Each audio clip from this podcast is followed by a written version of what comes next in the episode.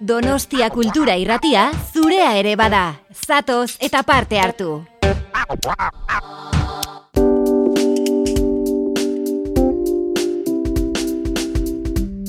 Ispilu beltza. Donostiako kulturaren berri, Oyer Arantzabal eta Kristina Tapia buizirekin. Egun honen zule, urtarriaren bia da gaur eta ongietorriak ispilu beltzara.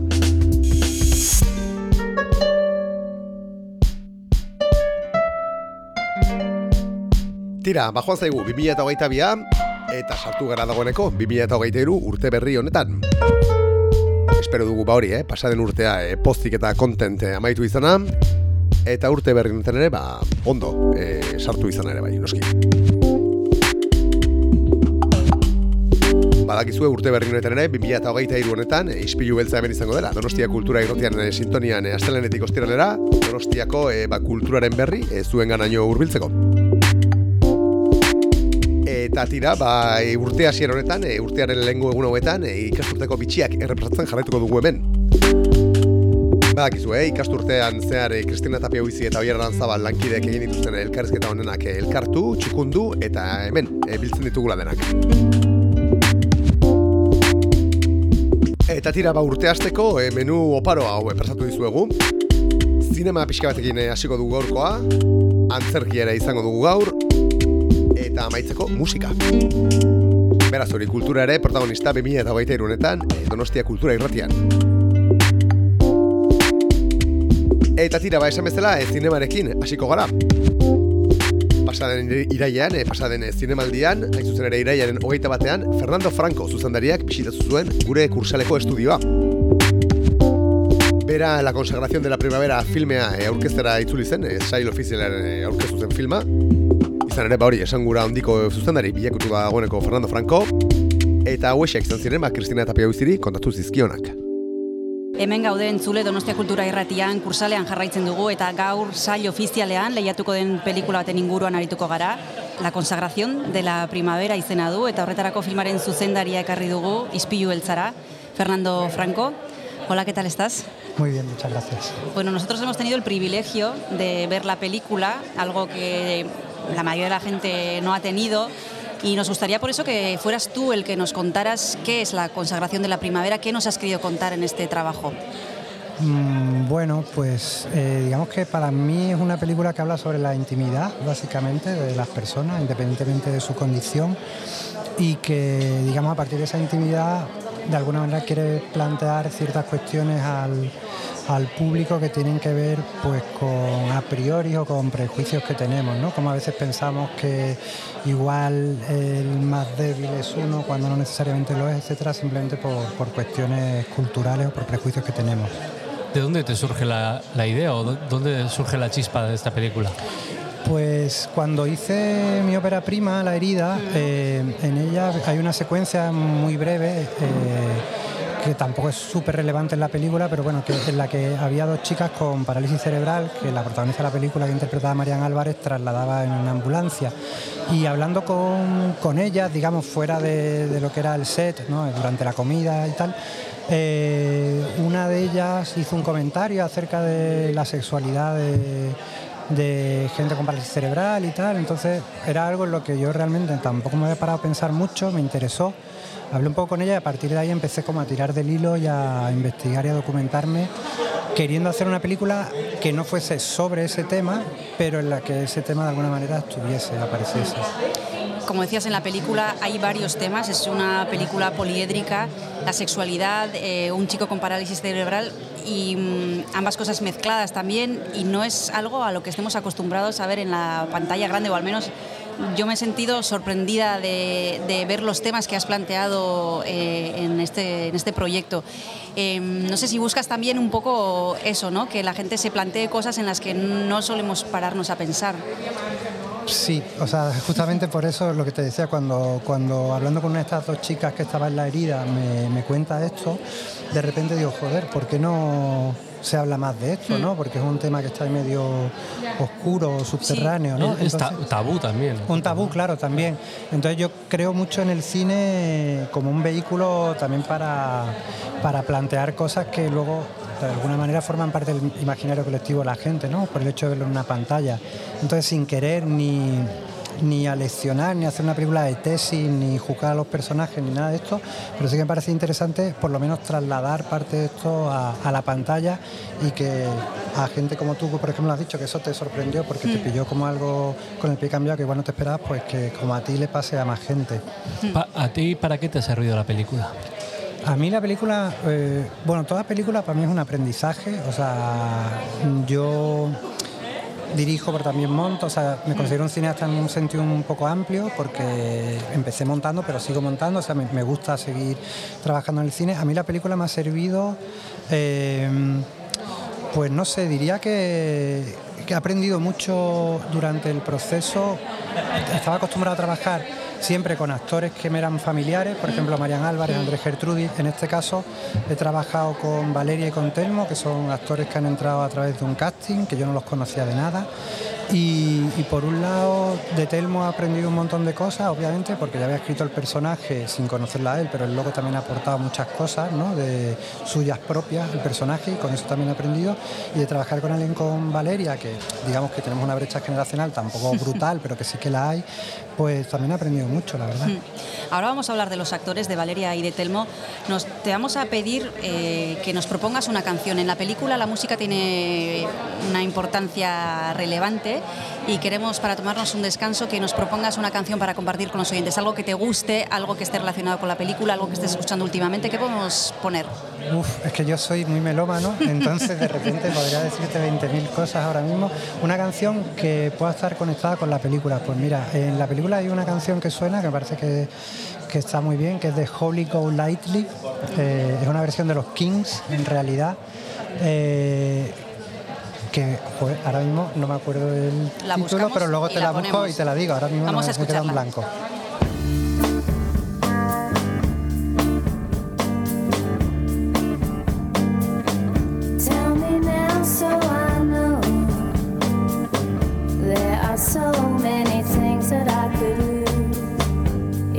Tell me now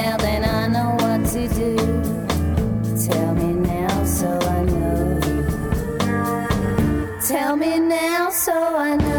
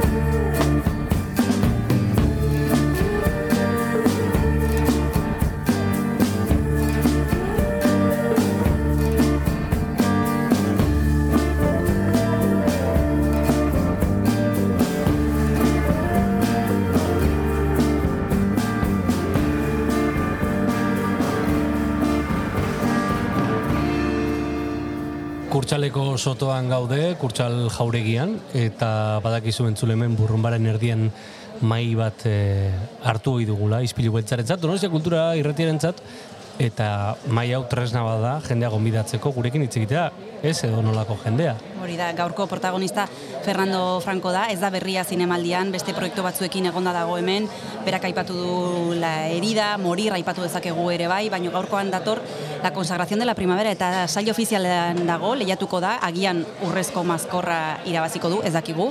Em, ¿Ha habido algún nudo en esta película, algo que te ha resultado difícil de resolver, algún reto que mm, se te haya antojado complicado?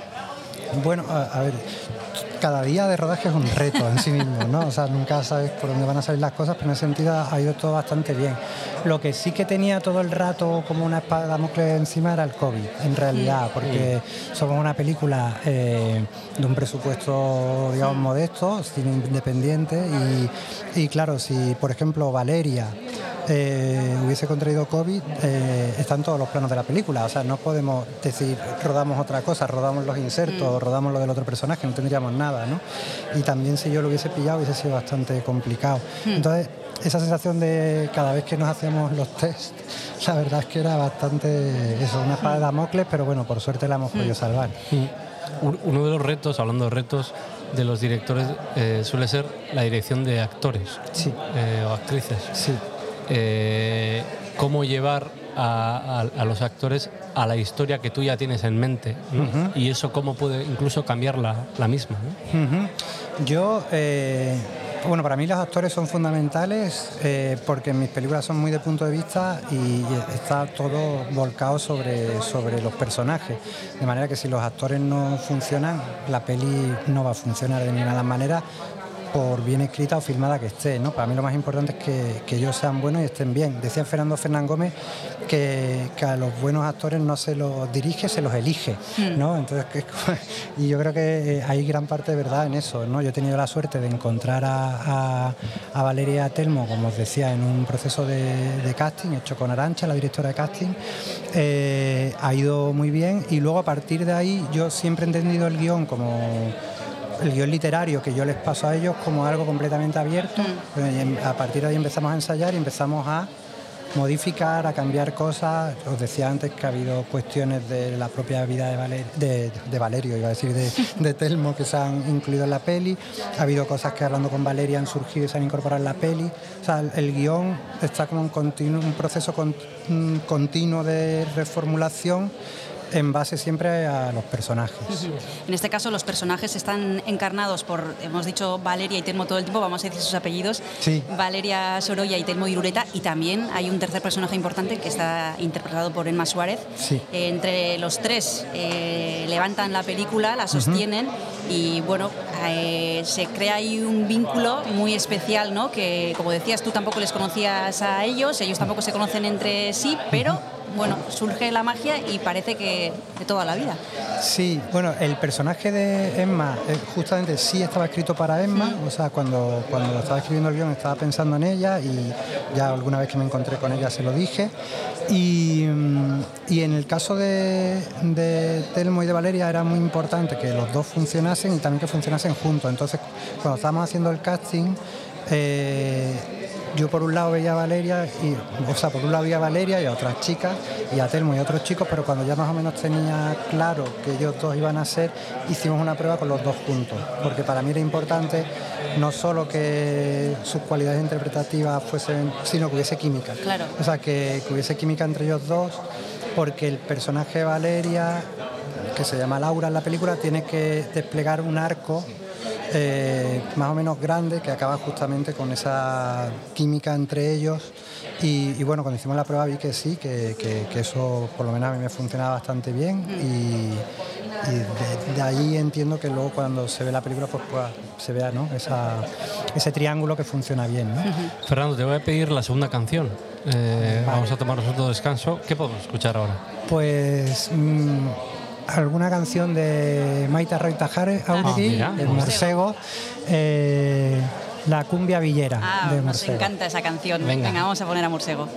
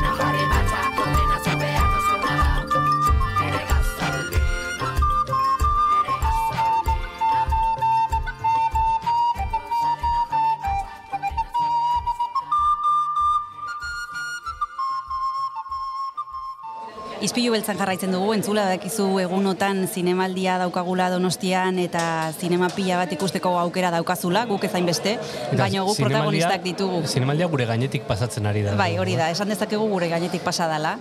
E, guk protagonistak ditugu eta protagonistak elkarrizketatzen ditugu eta gaurkoan Fernando Franco daukagu. La consagración de la primavera pelikularetin dator, saio ofizialean lehiatuko da, agian irabazle suertatuko da, ez dakit ez da berria zinemaldian, esperientzia dauka. ¿No eres nuevo en el festival, Fernando? No. Eh, ya has venido con otros proyectos, te hemos disfrutado con La herida, con Morir, por ejemplo.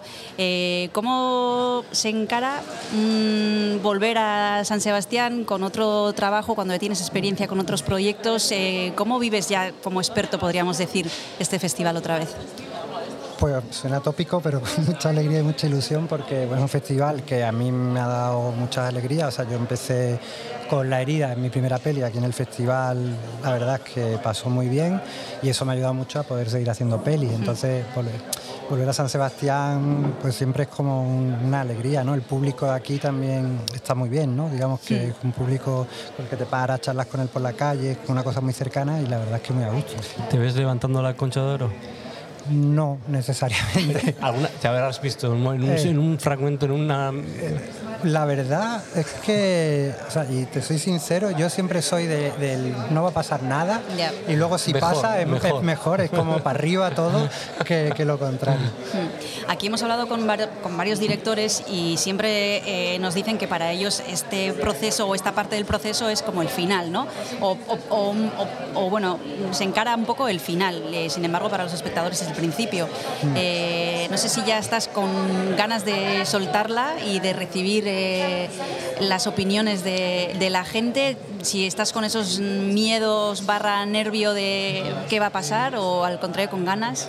Sí, o sea, yo este momento lo siento un poco como cortar el cordón umbilical que te une a la peli, ¿no? Y de repente ya ella echa a andar sola. Y quitarte el peso también, porque... Quitarte el peso, eh, pero bueno, luego viene otro peso, no lo vamos a negar, que es, bueno, cómo la va a recibir la gente, ¿no? Porque partiendo la base de que no hay ninguna película que le guste a todo el mundo, o sea, que no existe, pero sí que quieres que, bueno, que a la gente en general le guste, ¿no? O le interese por lo menos, o le haga pensar, ¿no? Entonces, bueno, pues ahora estamos en, en ese punto en el que la película va a echar a andar ella solita y a ver, a ver qué tal recepción tiene y, y a ver si todo el cariño y el mismo que le hemos puesto en hacerla, pues luego eso se traduce en que a la peli Bueno, a la gente le interese. con gente que ya la ha visto Sí. y de momento te podemos decir que la opinión es muy positiva. Sí, Vale, pues Pero agradezco. hemos, ¿con cuántos hemos hablado? ¿Que la han visto? ¿Tres, cuatro? con tres, cuatro, Venga, sí. eso te podemos adelantar. Pues así relajo un poco. Gracias. Fernando, eh, no sé si tienes en mente ver alguna película, si tendrás tiempo, si te has planteado ir al cine. Si eres espectador también. Eh, soy muy espectador, de hecho veo muchísimo cine, pero aquí en el festival imposible porque estoy dos días y tengo, y tengo una agenda de estas imposibles, ¿no? O sea, no puedo ver nada. Eh, he venido con mi chica, con mi pareja y ella es la que va a aprovechar para ver todas las pelis Bueno. que no puedo ver yo. Y a ti te las va a contar. Sí, a mí me las va a contar. He visto películas, ¿eh? he visto películas de las que están en la sección oficial pero aquí no voy a poder ver Mm. nada. Para terminar, vamos a preguntar a Fernando Franco cómo ha sido eh, este tercer proyecto eh, para ti, si ha sido más difícil, menos difícil. Hay gente que suele hablarnos de la segunda película como la más complicada, algo- otros que de la primera. Hmm. Yo lo de la segunda película como la más complicada, creo que, que estoy bastante de acuerdo. ya mi segunda película que fue Morir y creo que es la que he vivido como más complicada, tanto durante, o sea, nada traumático, ¿no? Pero sí que fue la más complicada. Yo creo que en la primera eres más inconsciente, la segunda ya eres más consciente de todo y igual por eso es un poco complicada.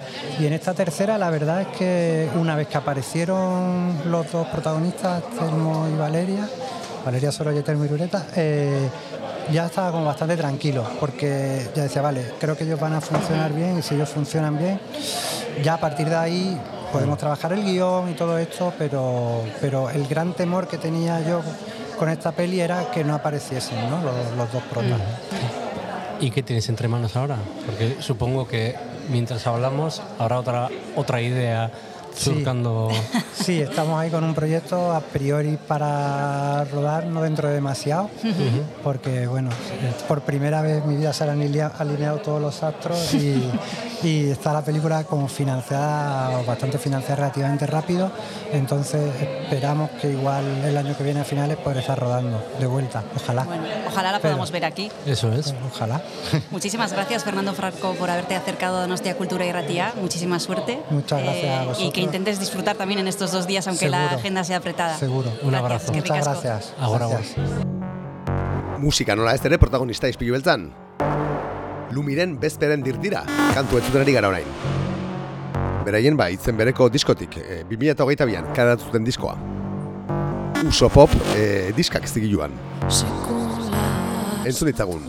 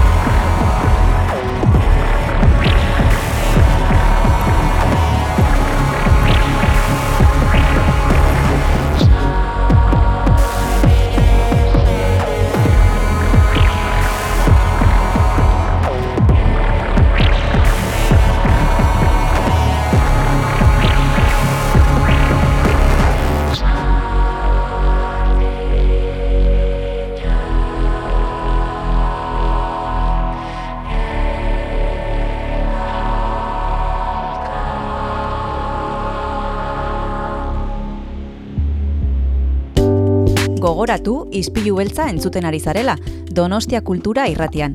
Baina nahieran ere topatu dezakezula podcast gisa gure saioa. Edozein audio plataformatan arpidetu eta oieraran zabal eta biok asko eskertuko dizugu. Orain jarrai dezala saioak. Horixe bera, jarrai dezala saioak.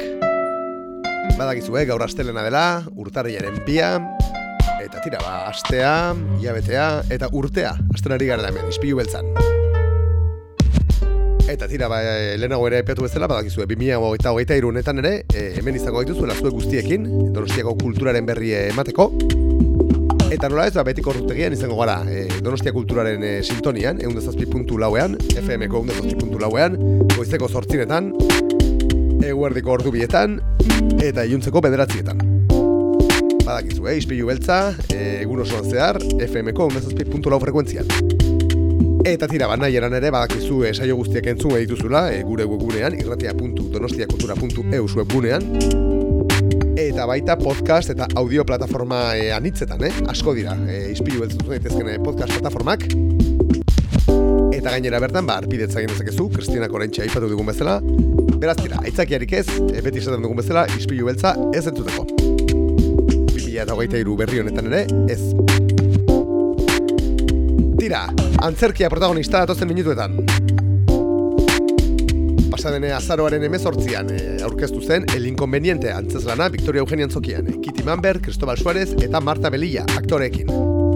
Badakizue antzerkia hitz egitea ere hemen asko gustatzen zaigula ispilu beltzan, eta hau da ba kasu horietako bat.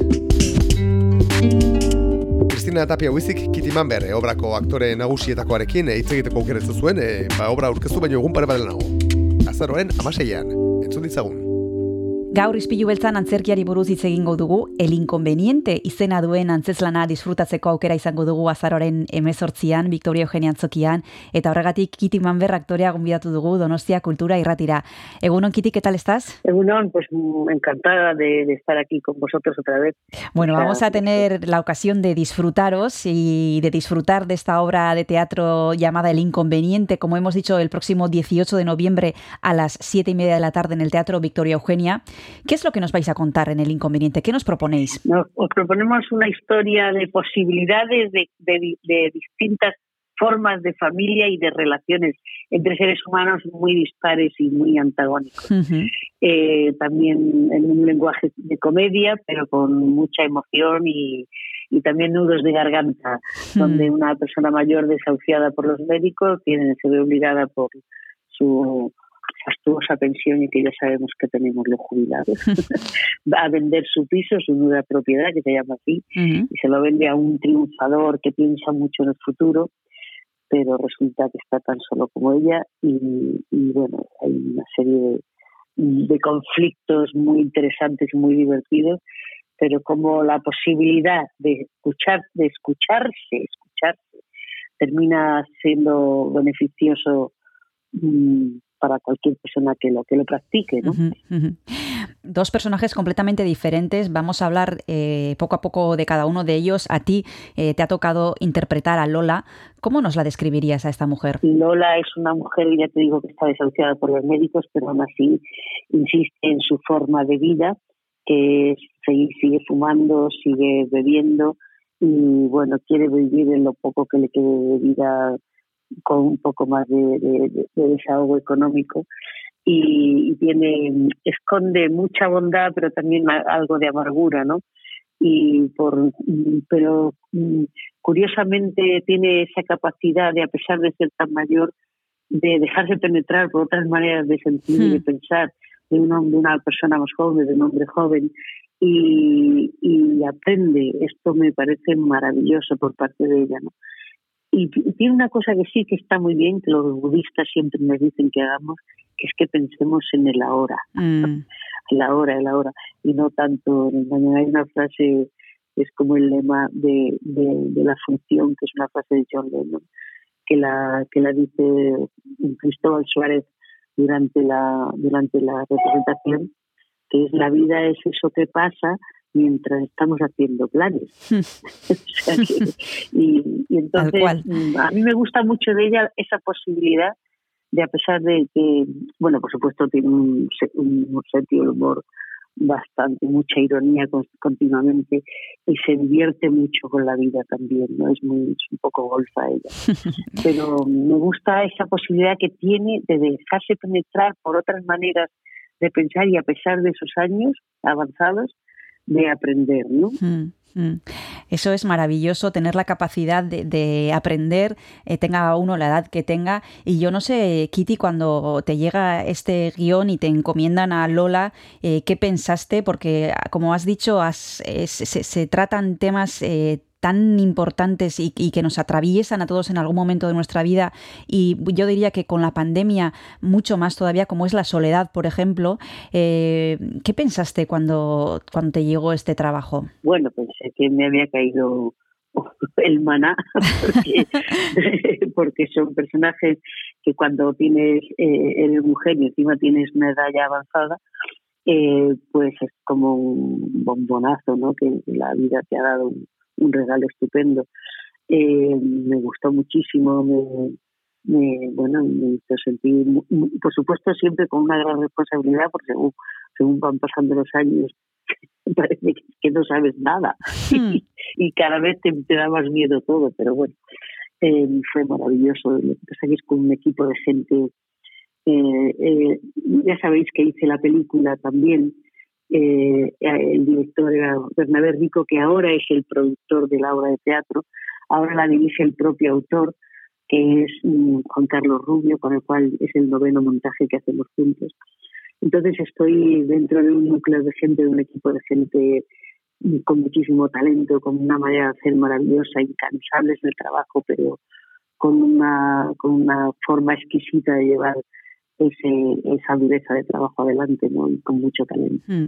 Dices que conforme pasan los años tienes la sensación de que no sabes nada, Kitty. ¿Cómo se, cómo se entiende eso? ¿Cómo lo entendemos nosotros eso con una persona como tú, con la trayectoria que tiene y que conforme más años cumple dices que, que- que no sabes nada? Eh, al final todos los días, con todos los trabajos, se, ap- se aprenden cosas. Uno yo no, no, se, no se siente relajado y seguro nunca. Jamás.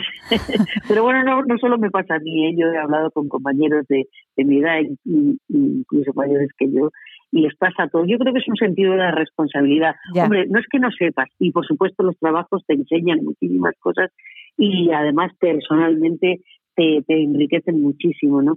Pero, pero el, eh, el oficio es maravilloso por un lado porque tiene muchos recursos, por supuesto tienes una formación, una voz, una serie de, recursos que sabes que te funcionan, pero eso también tiene el peligro a veces de, de, de que puedas como estancarte en un cliché y una manera de hacer que siempre resulte un poco como la misma y a mí eso siempre me, me preocupó.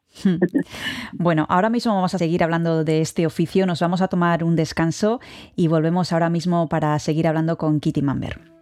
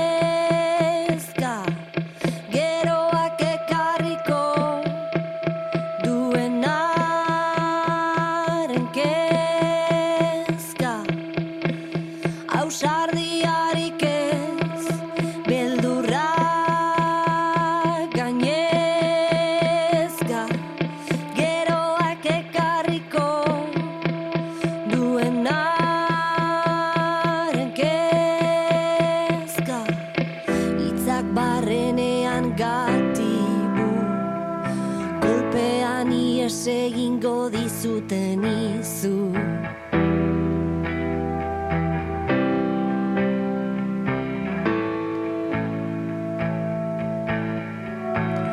Inertziak idazaitzan utzi duzu Ustez bizirauteko. Guztiz ez ondoratzeko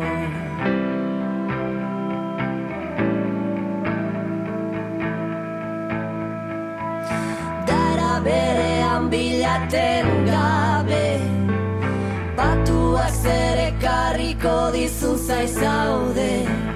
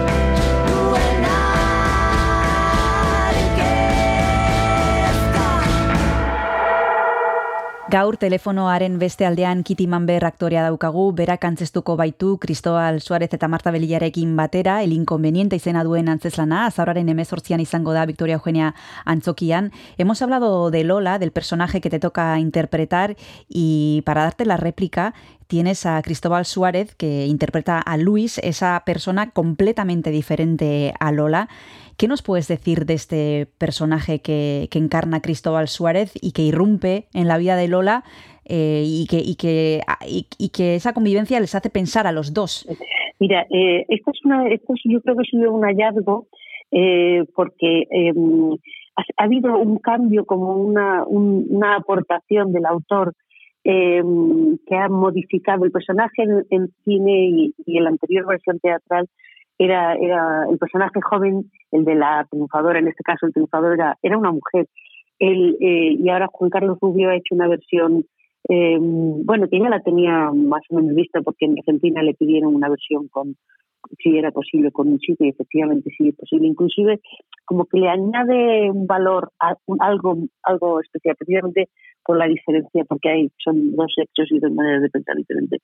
Pero curiosamente esto se, el- es que en la función en realidad eh, una de las cosas que también te da como un pequeña, una pequeña bofetada de, de, realidad es que él también está solo, a pesar de ser un hombre casado, de ser un que eh, está dentro de su triunfo y de su éxito, eh, también le invade un, una gran sensación de, de, soledad, ¿no? De- y en ese mundo, en ese mundo de soledades se encuentran y es muy divertido ver cómo piensan, cómo piensan de manera tan diferente y pero cómo empiezan a encontrar un- una atracción eh, eh, humana entre entre ambos, ¿no?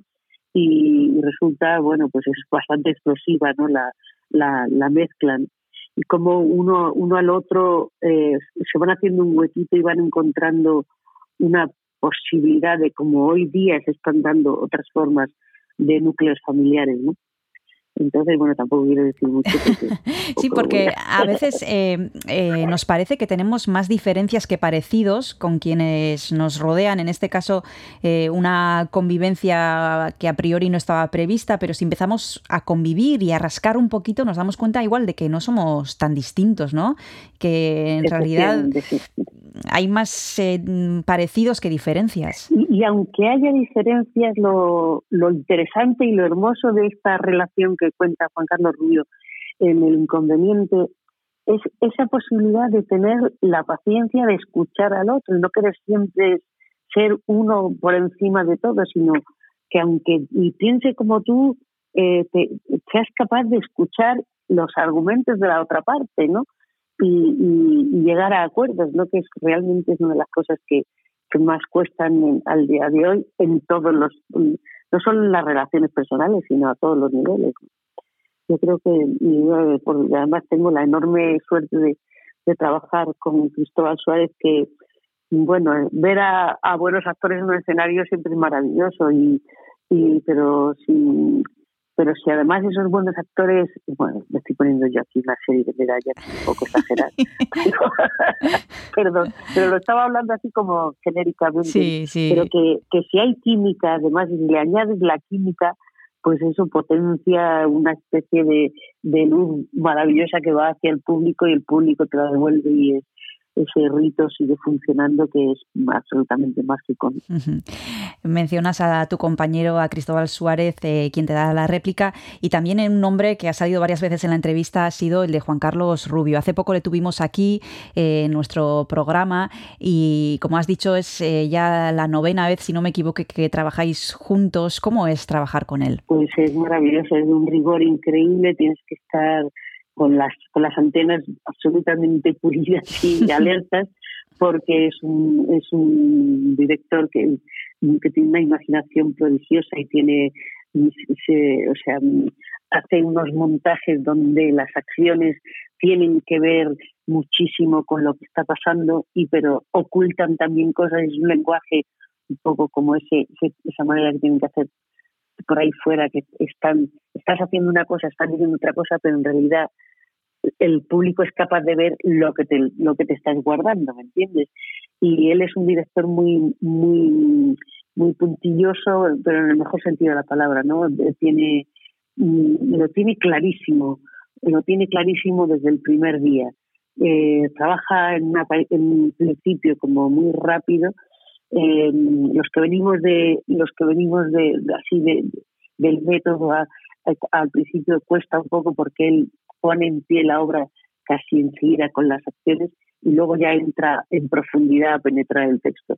Y eso a veces resulta un poquito complicado hasta que le coges el aire pero luego te das cuenta de la maestría no de cómo eso luego es tan certero y va va como un dardo al, al público no al corazón y al sentimiento del público Bueno, y luego están los resultados. Claramente, eh, todo lo que pasa por sus manos, pues eh, tiene el recorrido que tiene y, y, bueno, y el público también eh, sabe apreciar esos detalles. Ahora mismo vamos a seguir hablando del inconveniente con Kitty Mamber. Nos vamos a tomar el segundo descanso y regresamos en un momento. Hemen errevelazio bat bezala Espazioa eta denbora argiago ikusten dira. Hemen ditzen ditut ernesten somaditzak ez zelatan arrapatzeko zai Hemen ibilitako bidea zeharkatutako uneak argiago ikusten dira.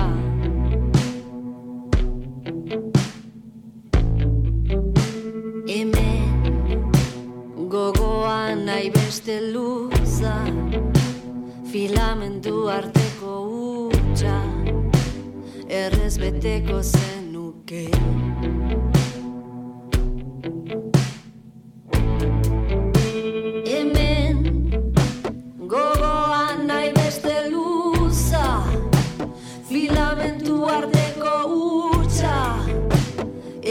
beteko zenuke.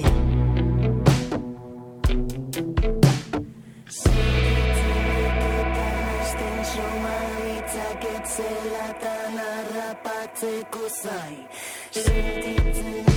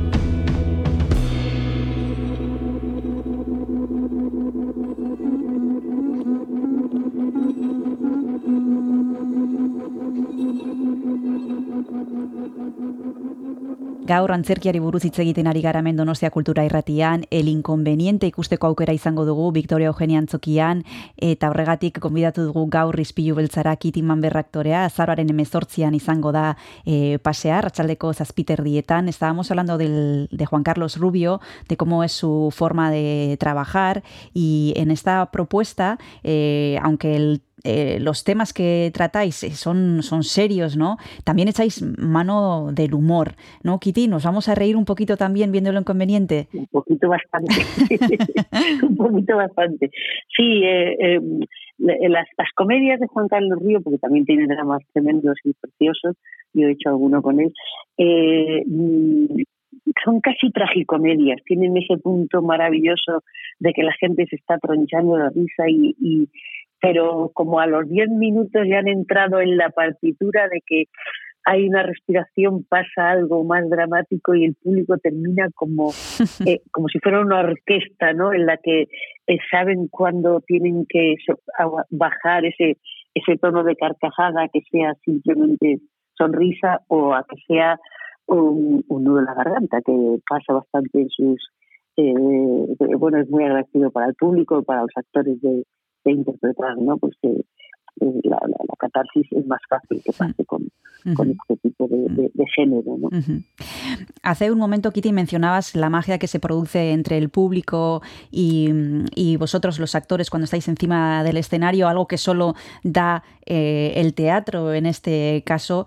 Y por desgracia hemos estado, bueno, varios meses, muchos meses diría, y que han sido muy largos, en los que, bueno, esto no ha sido así, ha habido muchísimas restricciones. Ahora que se vuelve a los escenarios y los espectadores poco a poco también a los teatros y parece que dejamos atrás eh, la pandemia.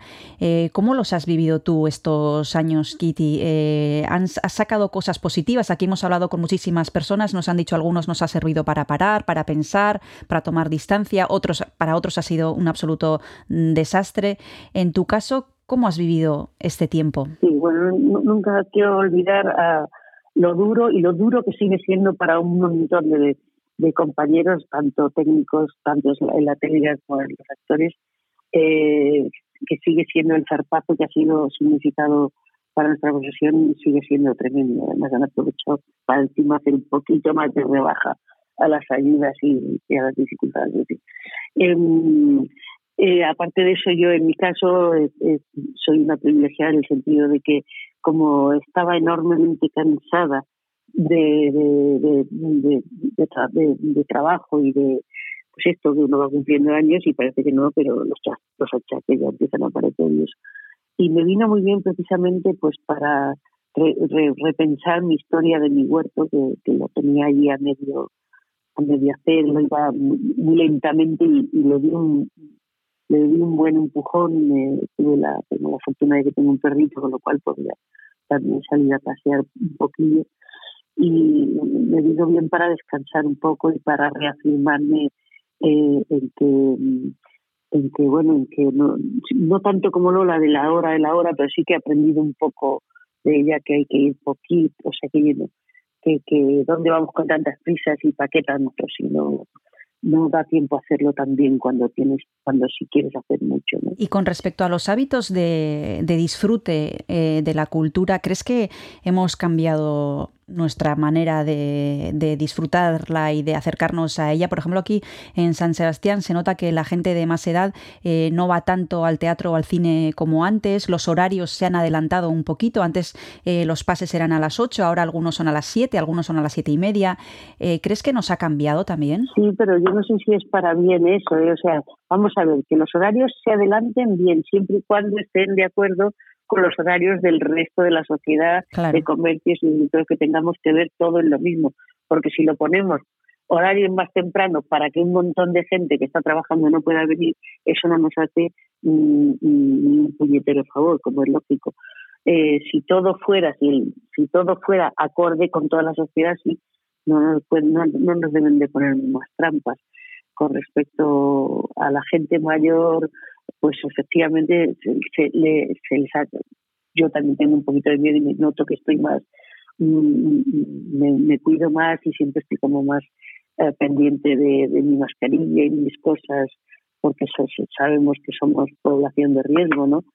Y, y es tremendo porque era una, una gran parte del público enorme, un porcentaje alto era sobre todo de mujeres, pero de gente de cierta edad, ¿no?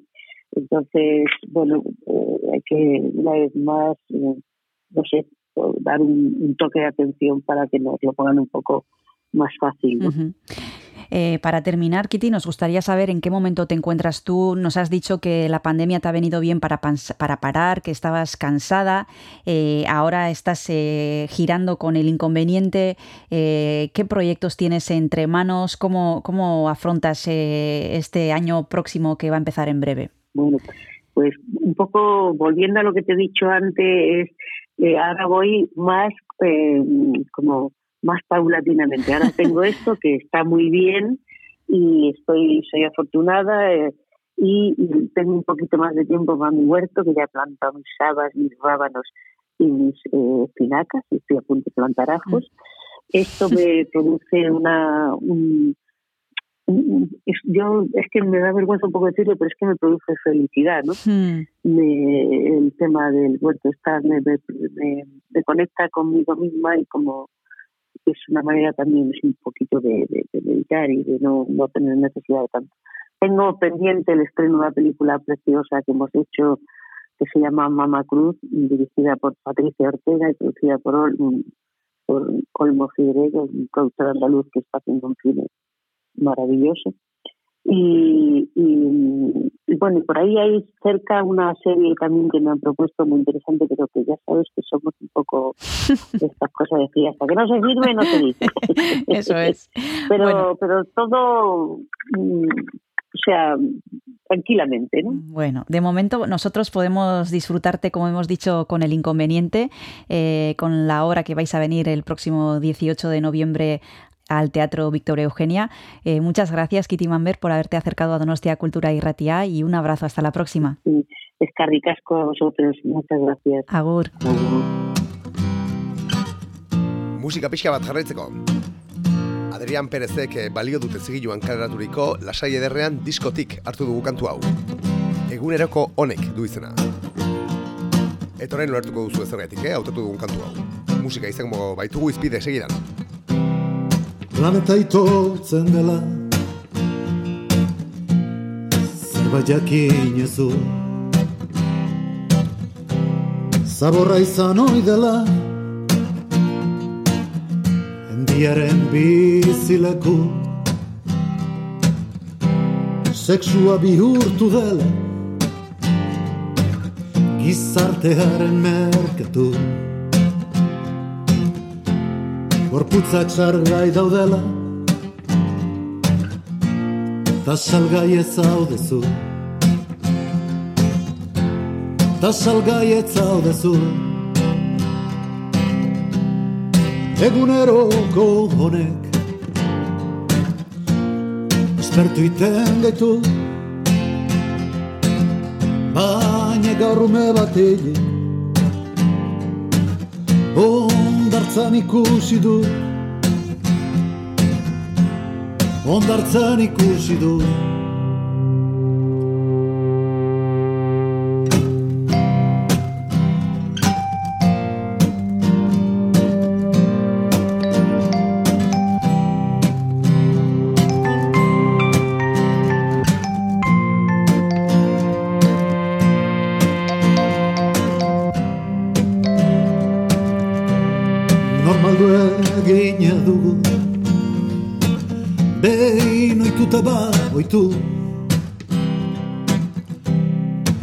urrutiko intxaurrak.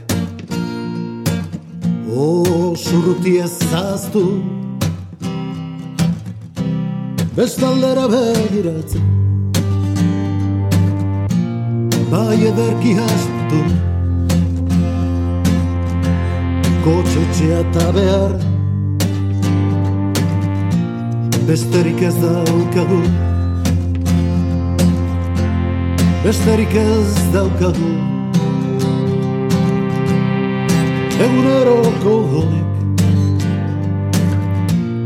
Espertu iten gaitu. Baina gaur ume batelik Ondartzan ikusi duk Ondartzan ikusi duk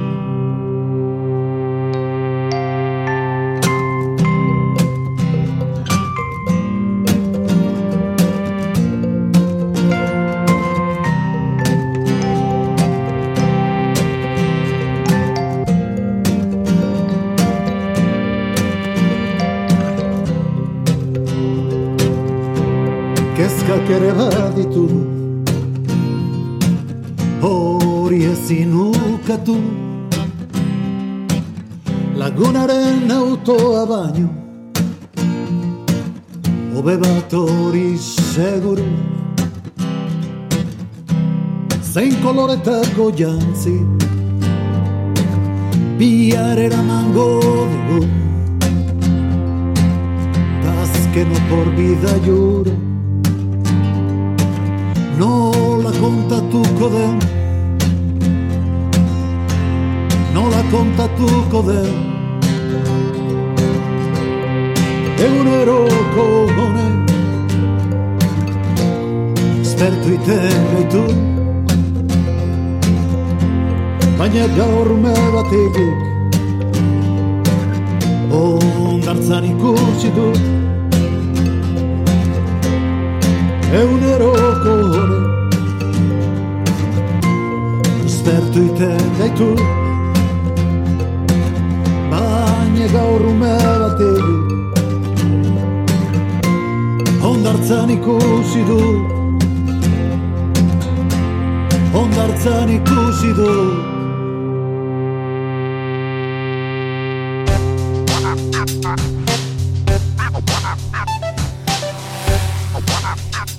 Donostia Kultura Irratia. Zabaldu gurekin Donostialdeko kulturaren leioa.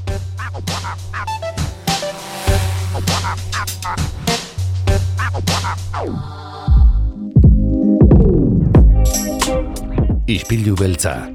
Astelenetik ostiralera, Oier Arantzabal eta Kristina Tapia buizik zuzendua. Donostia Kultura Irratian. Tira, datorren astean izango ditugu bueltan, eh? Bai Oier, bai Kristina eta bai Jon. Ba, badakizue, kultur eduki gehiago zuen gana urbiltzeko. Datorren, e, ba, urtarriaren bederatzean. Kerzan nago, datorren astelenean. Beraz hori, eh? Ez galdu e, Donostia Kultura Irratiaren e, sintonia. Laster izango baituzue eduki berriak bueltan. Eta tartzean, ba, hemen gabiltza, ikasturteko onenak berreskuratuz. Eta tira, ba, gaurko hirugarren elkartzeta, gaurko saioaren e, amaiera musikarekin egingo dugu. Badakizue, eh? iriko musikari garrantzia ematea gustatzen zegula hemen, eh, Donostia Kultura Irratian. Eta tira, ba, honekin eh, zer ikusia edo harremana duen elkarrizketa bat, entzungo dugu segidan, iriko musika estenarekin. Pasadene azaroaren amabian ospatu zen intxaurrondoko kulturetxean, kutisik jaialdia.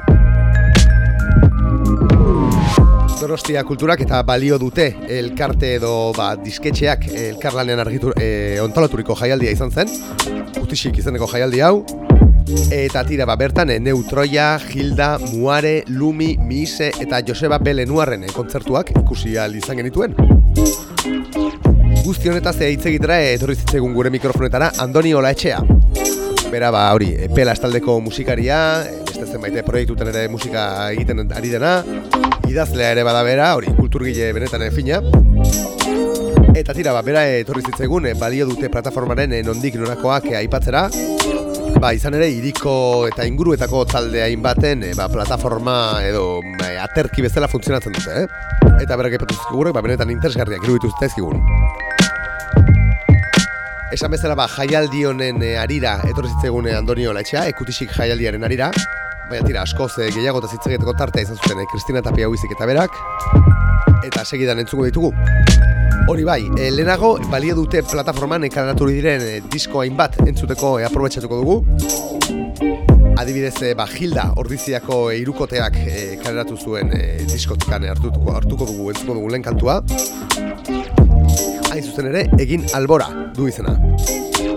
Beste askoren artean, e, itxi dugun 2008 bigarren e, urtean, e, esan bezala balio dute plataforman kaleratutako diskoa dugu, egin albora izeneko hau.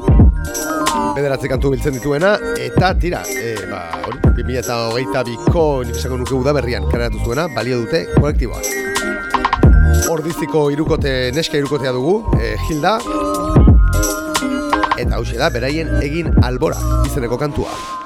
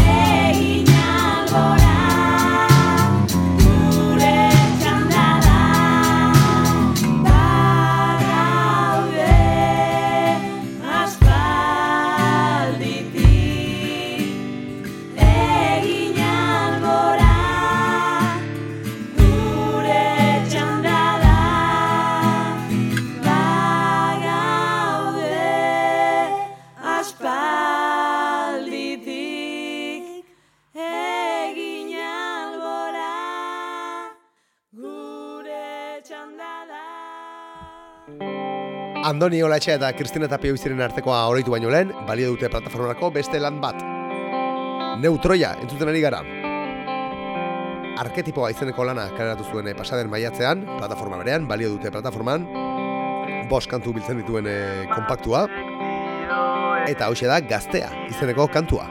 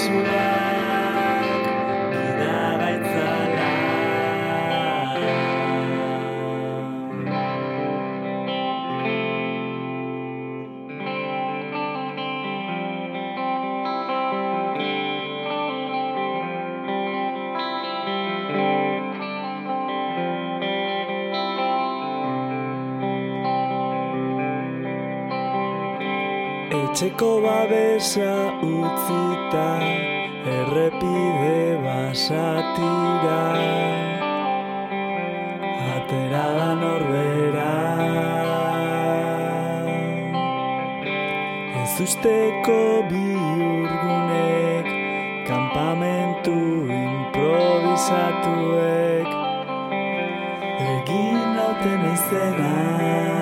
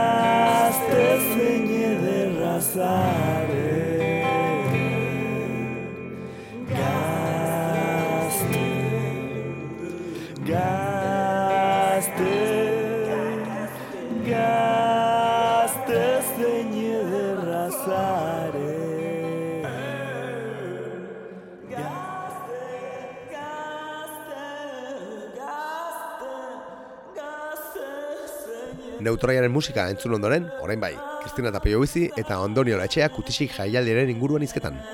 Gaur musika izango dugu izpide izpilu beltzan, kutisik jaialdia antolatu du balio dute kolektiboak, eta zauraren bostean, intxaurrondon, Neutroia, Hilda, Muare, Lumi, Miise eta Joseba Belenuar entzuteko aukera izango dugu. Donostia Kultura Irratira Andoni Olaetxe antolatzailea gonbidatu dugu. Egunon Andoni, zer modu zaude? Bai, egunon, bai, oso no. Bai. Bueno, lehenbiziko gustatuko litzaidake jakitea eta zuk esplikatzea zer den e, kutisik e, jaialdia. Vale, bueno, kutixi jaialdia dator eh, balio dute musika kolektiboaren arira, Mhm. eh, balio dute kolektiboa gutxi gora gara esan ezake sortu zela 2008 inguruan, eh, hasiera batean Unai Pelaio musikariaren ekimena izanik, eta ondoren ba, beste hainbat eh, eh, pertsona gehiena musikariak e, batu ginen kolektibo ontara. Beti euki izan dugu, bueno, diskoak ateratzeaz gain eta euki izan dugu burua ba, jaialdi moduko bat egitea, e, ba, kolektibo hortan bertan parte hartzen dugun taldeak e, ba, bueno, e, argitara eramateko eta eta jendeak ikusitan eta pixkat kolektiboan egiten dugun lan hori e, zautarazteko. Orduan, e, horren arira, ba, urten e, ba, buruti pasitza egun, ba, agian urte hona da, e, jaialdia bantolatzeko. Eta, hola, xe, hasi ginen biltzen, eta lortu genuen, e, ba, intxornuko kulturetxean e, data bate adostea, e, donosti kulturakoekin, eta eta horrela xe atera da jaialdia. Jaialdiaren helburuak batik bat, e, ba, bertako estena eta talde txikiak e, ezagutaraztea, eta talde txiki hoiei e, ba, baldintza honetan eta e, ekipo eta osea, ekipo tekniko eta duinarekin e, jotzeko e, aukera izatea, hori dira pixkat helburuak. Eta sarreran aipatu dugu Andoni e, zein taldek eh, hartuko duten parte, e, gustatuko Bai. litzaidake zuk esplikatzea e, zerbait talde bakoitzaren inguruan ze musika mota egiten duten, e, jakiteko gutxi gora bera e, nola, nola izango den e, kutixi jaialdia. Oso ondo.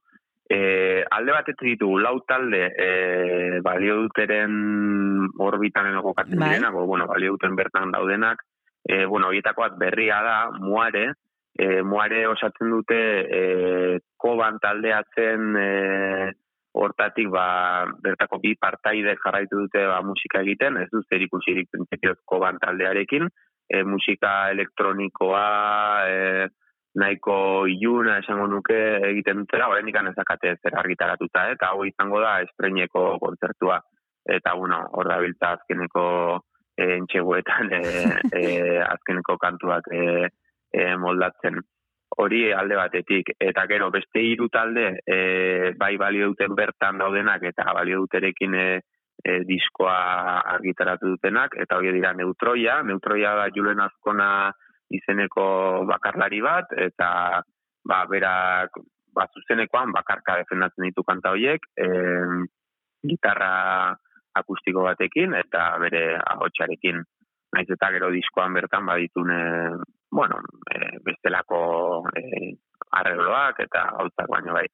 E, hori neutroia, gero daukagu Gilda. Gilda e, kolektiboan sartu berri den talde bada, e, Lazkao eta Beasaingoak, e, iru, iru dira, eta musika mota, bueno, roka punka, e, horren baitan e, e, kokatzen da, mm, orain ere nahiko hasi berria den talde bada, eta, bueno, zer esan ari dena ematen, eta azken aldian kontzertu deixente eta ari dira eukitzen. E, bestetik, em, kolektibokoa bertakoa ere Miise, e, Miise, bueno, e, ibilbide luzeagoa duen e, talde bat da, e, lehenago ere ba, izeberg eta otzikara bezalako taldetan aritutako musikaderiak dira, eta bertako bi musikari ba, parte hartzen dute aktiboki balio dute kolektiboan bertan, e, Beñat eta Antionek.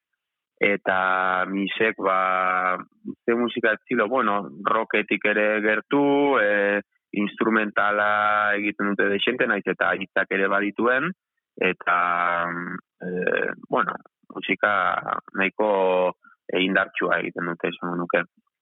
Eta gero, e, beste bi kontzertu, bueno, beste bi taldetak faltazik hitz egitea, hauek bai direla talde gonbidatuak, e, kanpotik e, datozenak, alde batetik Lumi lapurtarrak ditugu, e, Lumi, bueno, e, duo elektroniko bat da, e, ba, musika nahiko iluna egiten dutenak ere, e, oraintxe disko berria e, atera berri dute, nena izoroitzen orain izena, eta, e, bueno, ba, hoiek, e, ba, lagunak dira aspalditik eta gonbidatzea gotu zitzegun, eta zuzeneko bi izan da ere zuzeneko oso betea daukatela esan nuke. Eta azkenik e, Joseba Belenuar, e, bai, Joseba Belenuar gang etorreko da talde osoarekin printzipioz, e, horrela aipatu zigun, eta bueno, ilusionatuta gaude, bueno, ibilbide luzeko musikaria da, eta e, gure laguna ere. Azkena erabaki dugu, ba, bertako, bueno, guretzat gertuko den jendea gombidatzea e, bertara, ba, horrek zeukalako zentzu azkenean. Eluke hainbeste zentzurik eukiko, ba, nik zer dakit, kanpoko talde handi baten e, zentratzea eta eta aurrekontu guztia bideratzea, baizik eta, bueno, norbait ba, ezagutzen duena eta e, ba, balio dute bera eta ilusioa ingo diona e, gurekin jotzea. E, bueno, Josebak ba, barroka egiten du batez ere, e, ez dakit ze talderekin etorriko den, ze beti aldaketak eta bai, bai, bueno, moldatzen da guri deitu genion eta esan zigun, bai, bai, bai, egingo dugu zerbait, seguro, e, pozik zegoen, eta itxe ingo dute hainbat musikarirekin, eta eta joango gara formatu baten edo bestean. Orduan, ba, bueno, a ber, eh, Mhm. Deskribatu dituzu Andoni e, bertan egongo diren e, taldeak eta nik nahiko nuke agian e, talde horien e, abesti bat jartzea, tarte bat hartzeko, deskantsu bat egiteko. Zein jar Ah, dezakegu entzulekin partekatzeko zer iruditzen zaizu? Dibidez, eh, Gilda taldearen Cornelius abestia. Mhm. Perfecto, bagoazen entzutera.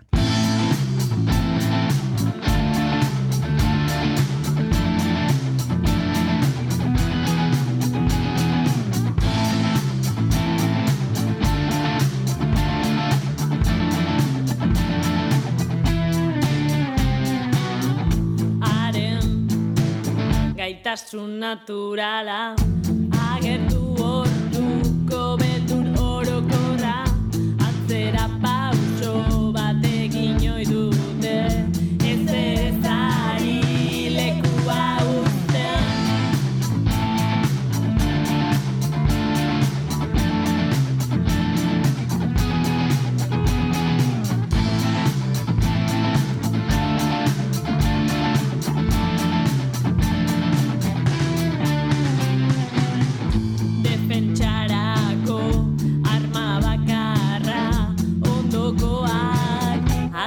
atzeratzeko era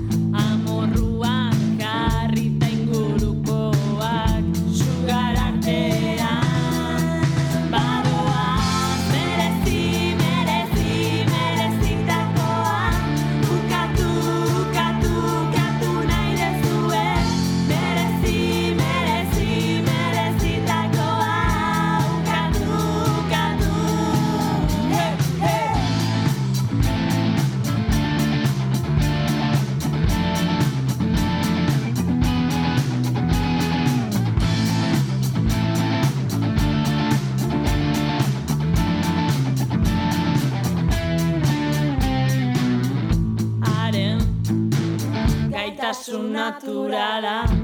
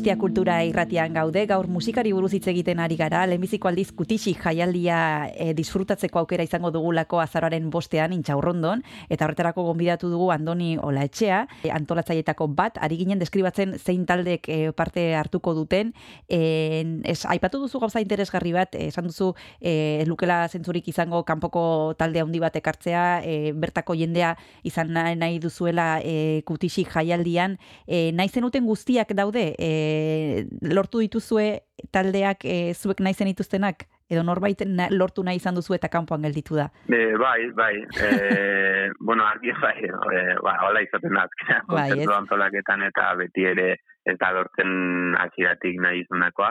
E, balio dute kolektiboaren berta, osea, bar, barruan dauden talde hoiet, mm, hoietan ba, ez egon zalantzarik, azkenean ba, denak baietz eta azkenean antolakuntzan ere hor gabiltzalako. E, mm, zalantza egon zen abere ba, itzaldi bezalako talde bat sartuko zen, edo pelax bezalako talde bat, azkenean eh, kanpoan geratu dira haien erabaki eh, propios, o bueno, ba, azkenean denak, denak ezin dugulako jo, azkenean egun bateko jaialdia eta eta aukeratu beharra dago. Eta talde berriei ba, espazio ustea ere erabakizelako, ba, neutroia, gilda eta muareri bat ere. E, bestetik, mm, adibidez, e, saiatu ginen Josua Iratzokirekin e, kontzeptua lotzen, Josua Iratzoki lagunak, e, hasiera batean e, baiezko ateratze, atera batzen ere, ba, azkenean esan zigun, e, ezin izango zuela, e, beste, e, bueno, bira batean egongo zela egun horietan, ere, ezin etorri. Eta horren ordez, ba, e, egun Josua Belenua bera ekartzea, hasieratik egon dena gure zerrendan, eh? baina, bueno, e, kontaktua ere genuen e, ze talde gehiagorekin, bai, espalak taldearekin ere, baina e, justu oraintxe diska berri atera bar dute, eta ja da donostin lotuta zeukaten aurkezpen kontzertu bat, eta, bueno, esan ziguten politari zitzaela, baina ez zekala zentzurik bi kontzertu jarraian egitea donostin. E, eta Lumi, ba, txiratik e, hor egon den izen bada, eta bere ala esan ziguten baiet, beraz, balde eta horiek dira pixka ateratzen. Bai. Em, egia da, e, lehenbiziko jaialdia izan da, agian e, oso mimo handiarekin e, erabakitatoko taldeak dira, ze nortasuna ematen diote, ez? E, nor egongo den, e, di- pixkat definituko du nola izango den, eta nola den e, jaialdia. E, ze Bai. publikotan ari zarete pentsatzen, Andoni, edo ez dakite ez duzuen hortan Bai. pentsatu, edo norbaitentzako den, edo denentzat, ez dakite nor espero duzuen hurbiltzea. Mm, galdera zaila. Eh, bai, nor espero dugun urbiltzea, a ber, batez ere nik uste etorriko den jendea da, ja lehenagotik balio dute ezagutzen du jendea, eta e, pixkat e, babes hori adiratzeko etorriko den jendea. Uste dut, e, moare taldea berria izanik eta estreniko kontzertua emango duten horretan, haien ezagun eta familiko eta asko etorriko direla, hori alde batetik. E, gero, pff, Joseba Belenuarrek ere, ba, mugitzen du jendea, ba, bueno, rokaren inguruan eta euskal rokaren inguruan eta mugitzen du jendea, eta nik uste e, perfil hori ere gerturatu daitekeela, eta, ba, ez dakit, ba, Gilda Beasainekoak izan da, besteak donosti ingurukoa bera balio duteko gaintzeko, baina Gilda Beasaingo taldea izan da, ba, pentsatzen dut bertako jendea ere etorriko dela. Be, adin tarte aldetik eta ez dakit, nik denetatik etorriko dela, batez ere, segurazki ere, gazte jendea, baina, baina, bueno, uste eh, gure gurasoak eta ere. Bai. Prozesua, Andoni, en, izan da zaila, erreza, e, zuek esperientzia daukazue balio dute kolektiboan, e, baina olako jaialdi bat antolatzea, bueno, beste pausu bat da, ez dakit errepikatzeko modukoa izan den esperientzia, orain arte, orain ez da ospatu jaialdia, baina bueno, e, izan Bai. zuen bidea, ez dakit e, suertozu zaizuen e, komplikatua, e, egingarria, Tira, eh, asko ikasi dugu eh, prozesu honetan, egia esan, eh, lehenago antola, osea, eh, kontzertuak antolatzen eta ibili izan du gara, hori egia da, ez gatoz zerotik, eta, bueno, ni bereziki naiz hainbeste ibili kontzertu antolakuntzan, baina beste batzuk eh, geixio. Baina, claro, eh, horrelako jaialdi bat antolatzea instalazio publiko batzuetan, ez, eh, bestetan igual gehiago an- antolatu izan dugu ba, gaztetxetan, edo e, areto privatuta, baina claro, hemen e, e, intxarno kulturetxean, ba, udaletxeko teknikariak beha sartzen dira. Eta horrek eh, suposatzen du, bueno, hainbat baldintza betetzea, e, e, ba, kontratu aldetik, eta bar, eta bar. E, on, honek ekarri digu, bueno, e, zailagoa da antolatzea horrelako jaialdi bat, gainera ire izanik jaialdearen volumena, ez, bat, Mm. sei talde, Bai. eh, ez da kontzertu bat antolatzea, baizik eta sei kontzertu, ordutegiak eh, eh, lotzea, em, ekipo tekniko kontuak, eta bar, eta bar. Nik uste, aberazgarria izan dela, zaila bai, bueno, ez da erresa izan, uste benuena, baino, hasieran uste benuena, baino, baina eh, komplikatu izan da. Baina, bueno, mm, nik uste eh, balio izan digula ikasteko, eta espero dut, ba, ez izatea jaialdi puntual bat, eta, bueno, bilakatzea Mhm. ez dakit urteroko, baino ekiz denborako Mhm. eh, tradizio baten edo, Mhm. hori ikusiko dugu, aurrena, lehenengoa, lehenengoa ingo dugu, abertzen ateratzen zegoen, eta gero ikusiko. Andon, ikusi duguna da, edo hobeto esan da, entzun duguna da Gilaren Cornelius abestia, lehen, lehenbiziko deskantzurako jarri duzuna, eta zuri esker deskubritu duguna, eta bigarren abesti bat eskatu behar dizut bigarren tartea hartzeko, zein entzun dezakegu orain? Bai, e, bigarren abestia, mi zeren eta berriz ere. Perfecto. Bagoazen entzutera.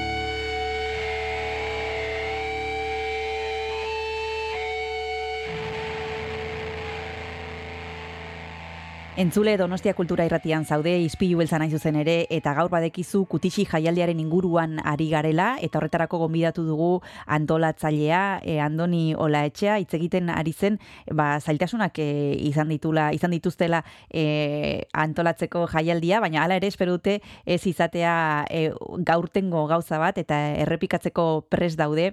Aipatu duzu hasieran Andoni e, e, zuen kolektiboaren e, bilakaera zein izan den eta gustatuko litzaidake gehiago sakontzea musika kolektiboaren e, kontzeptuaren inguruan e, kuriosoa eta politaldi beran iruditu zait eta hori da pixkat Bai. zuen zigilua, ezta? Bai, e, kolektiboaren zentzua da azken finean mm, talde individual bezala gaur egungo musika estenan zaila da tokia egitea, zaila da diska bat e, ateratzea, finantzatzea, e, bueno, talde txikiak e, disketxe demagun handietatik aparte da, e, gelditzen direnak eta zaila dute haien bidea egitea. Eta horregatik datorra azken finean e, kolektiboaren e, ideia. Ba, nolabait, elkar e, indar horiek e, elkar batuta e, ba, bidea bueno, erratzagoa egiteko edo erratzagoa hala ere ez, ez da berezik er, erratzagoa Bai. hor- horrela ere, eh? baina e, bueno, leunagoa egiteko. Elkarrekin egitea batetik eta izan daiteke baita ere Andoni e, lan egiteko modua e, desberdina izatea, ze, bueno, pentsatzen dugunean disketxe handi batean, ba, pentsatzen dugu lan egiteko modua modu batera izango dela, eta zuena igual beste, beste formula bat da, ez? Bai, bai, azken finean, e, balio duten bertan gauden taldeen artean, bilerak egiten ditugu, e, bilera izan daitezke zehatzak, ba, ekiz diskaren e, argitalpenerako nizadakit, ba, promozioan nola ingo dugun eragitzeko, edo izan daitezke, ba, e, kolektiboa beraren dinamika orokorrak adosteko, dena ba, modu nola esan nuke e, asambleario baten edo e, horizontal baten edo horrela saiatzen gara egiten gero noski e, talde e, osea, bertan ditugun talde guztietako partaide guztiak ez dute parte hartzen e, bilera hauetan beti ba gaude batzuk ba e, ba kasu hontan kutixi jaialdiarekin ba ni beste hiru lagun gehiago zentratu garen bezala e, ba, beste batzuk beste gauza batzutan zentratzen dira, eta pixkat lan banaketa bat ere badago, eta dena denen artean. Baina ideia pixkat eh, hortik dijoa. Eta esan duzu ez dela erresa e, elkartuta edo elkartu gabe musikan e, aritzea, e, zein izango litzateke zure ustez momentu hontan Euskal Herrian talde txiki batzen dako e, zailtasun handiena edo erronkarik e, handiena, e, zer botatzen duzuen faltan? e, instituzioen babesa, e, dirua, e, publikoari zerbait eskatuko mm, eskatzen diozue, ez dakit ze, zein da zuen zuen eskaera. Bai, e, bueno, instituzioen babesa, ba, izan daiteke. E, bueno, kasu hontan, e, laguntzaren bat eta jaso dugu e, kutixi jaialdirako instituzionaldetik, eta ez daukate printzipioz kejarik e, honekiko, e, ondo ondo portatu dira gurekin e, udalektik eta bar. Baina, bueno, orokorrean e, egia da, ba, instituzioen musika programetan eta bar, hola, ezakit, e, ba, musikari bulegoak antolatzen dituen gauzetan, edo festival handietan, un e, instituzioak ditu deixente jartzen duten eta bar, ba, hor azkenean e, betiko e, disketxe handixeagoak eh, sartzen dira eta nolabait eskumen handiagoa daukate e, talde individual txiki batek baino azkenean, bueno, normala den bezala ez. Eta bertan e, lortu daiteken e, bueno, ospea edo edo jarraitzaile berriak edo edo hiru kontuak noski ere, ba urrutiago gelditzen dira talde txiki behintzat. Bestalde, e, bai, e, diskoak ateratzeko eta bar laguntza handiagoak eukitzea ondo legoke, bai. Eta gero publikoari eskatuko nioken, bueno, ba, orain jendeari da pixka mugitzen kontzertetara, pues, bueno, euki dugun azkeneko bi urteengatik eta euki dugun bi urteengatik, baina E, bueno, geixo, beti naiteke esfortzu bat eta eta kontzertu gehiagotara jun, e, diska gehiago erosi, e, bai, azkenean e, guk e, ilusio horrekin egiten ditu gauzak eta e, askotan gertatzen egun noski ba kontzertu batera jun eta e, jotzera esan eta ez dagoela ia, ia jenderik, baina bueno, berdin berdin jotzen dugu goikoa gaude. Noski jende gehiago balin badago, ba, ilusio handiago egiten du. O, espero ez duzun jendea, jende ezaguna, ez betiko laguna. Mhm. Aipatu dugu duela hartu urte batzuk e, sortu zela balio dute kolektiboak e, ibilbidea egin duzue, oraingoan e, kutixi jaialdia antolatzen ari zarete lehenbiziko aldiz. Nola ikusten duzu kolektiboa urte batzuk barruan doni? Zakit, e, nik uste e, kutixi jaialdiarekin motivazioa bizkatigo dela, e, urte hontan bertan ere e, argitalpen bat baino gehiago egin ditugu, e, datorren urteari begira nik uste e, egon daitezkela pare bat argitalpen berriak, horren ez ausartzen esatea ze talderenak, baina baditut buruan batzuk.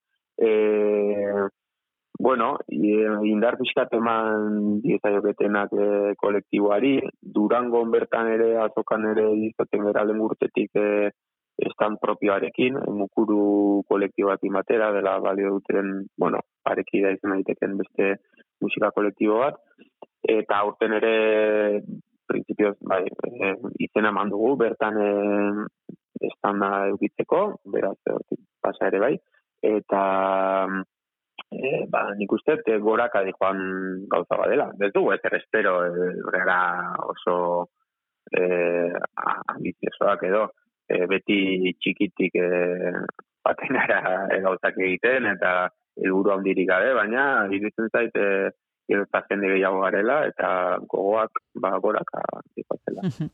Bueno, guk entzulei esango diegu nahi izan ez gero kutixi jaialdia daukatela zauraren bostean, e, talde mordoa e, deskubritzeko eta berriro ikusteko ere bai. Andoni. Olatxea, eskerrik asko, izpi beltzara urbiltzeagatik, e, besarkada bat eta hurrengora arte. Oso ondo, zuei eskerrik asko. Agur. Agur.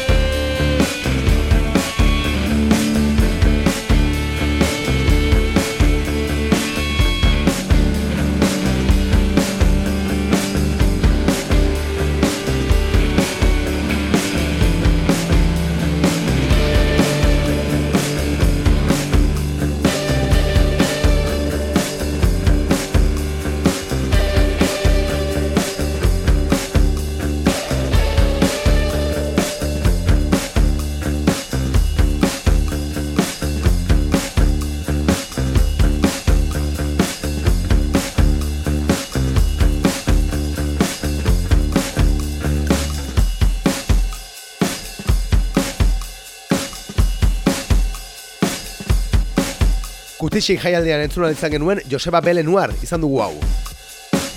Apatxearen sukar ametsa kantuarekin, bere instroak diskotik.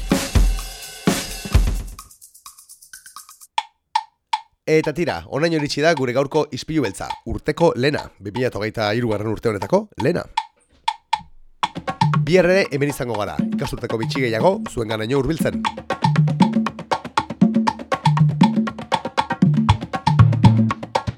Badakizue harten ere, nahi eran dituzuela, izpilu beltzako, ba, saio, elkarrizketa, e, starte, sail eta beste zenbait kontu, podcast plataforma eta gure webgunean, noski, Donostia Kulturaren, e, Donostia Kultura irratian webgunean. Esan dakoa, bi ertzen gara bueltan. Elektronika donostiar pixka batekin guztan zaituztegu bitartean. Divorce from New York artista entzuten gara. I haven't recovered from the last night I was with you. Izeneko kantua dugu hau.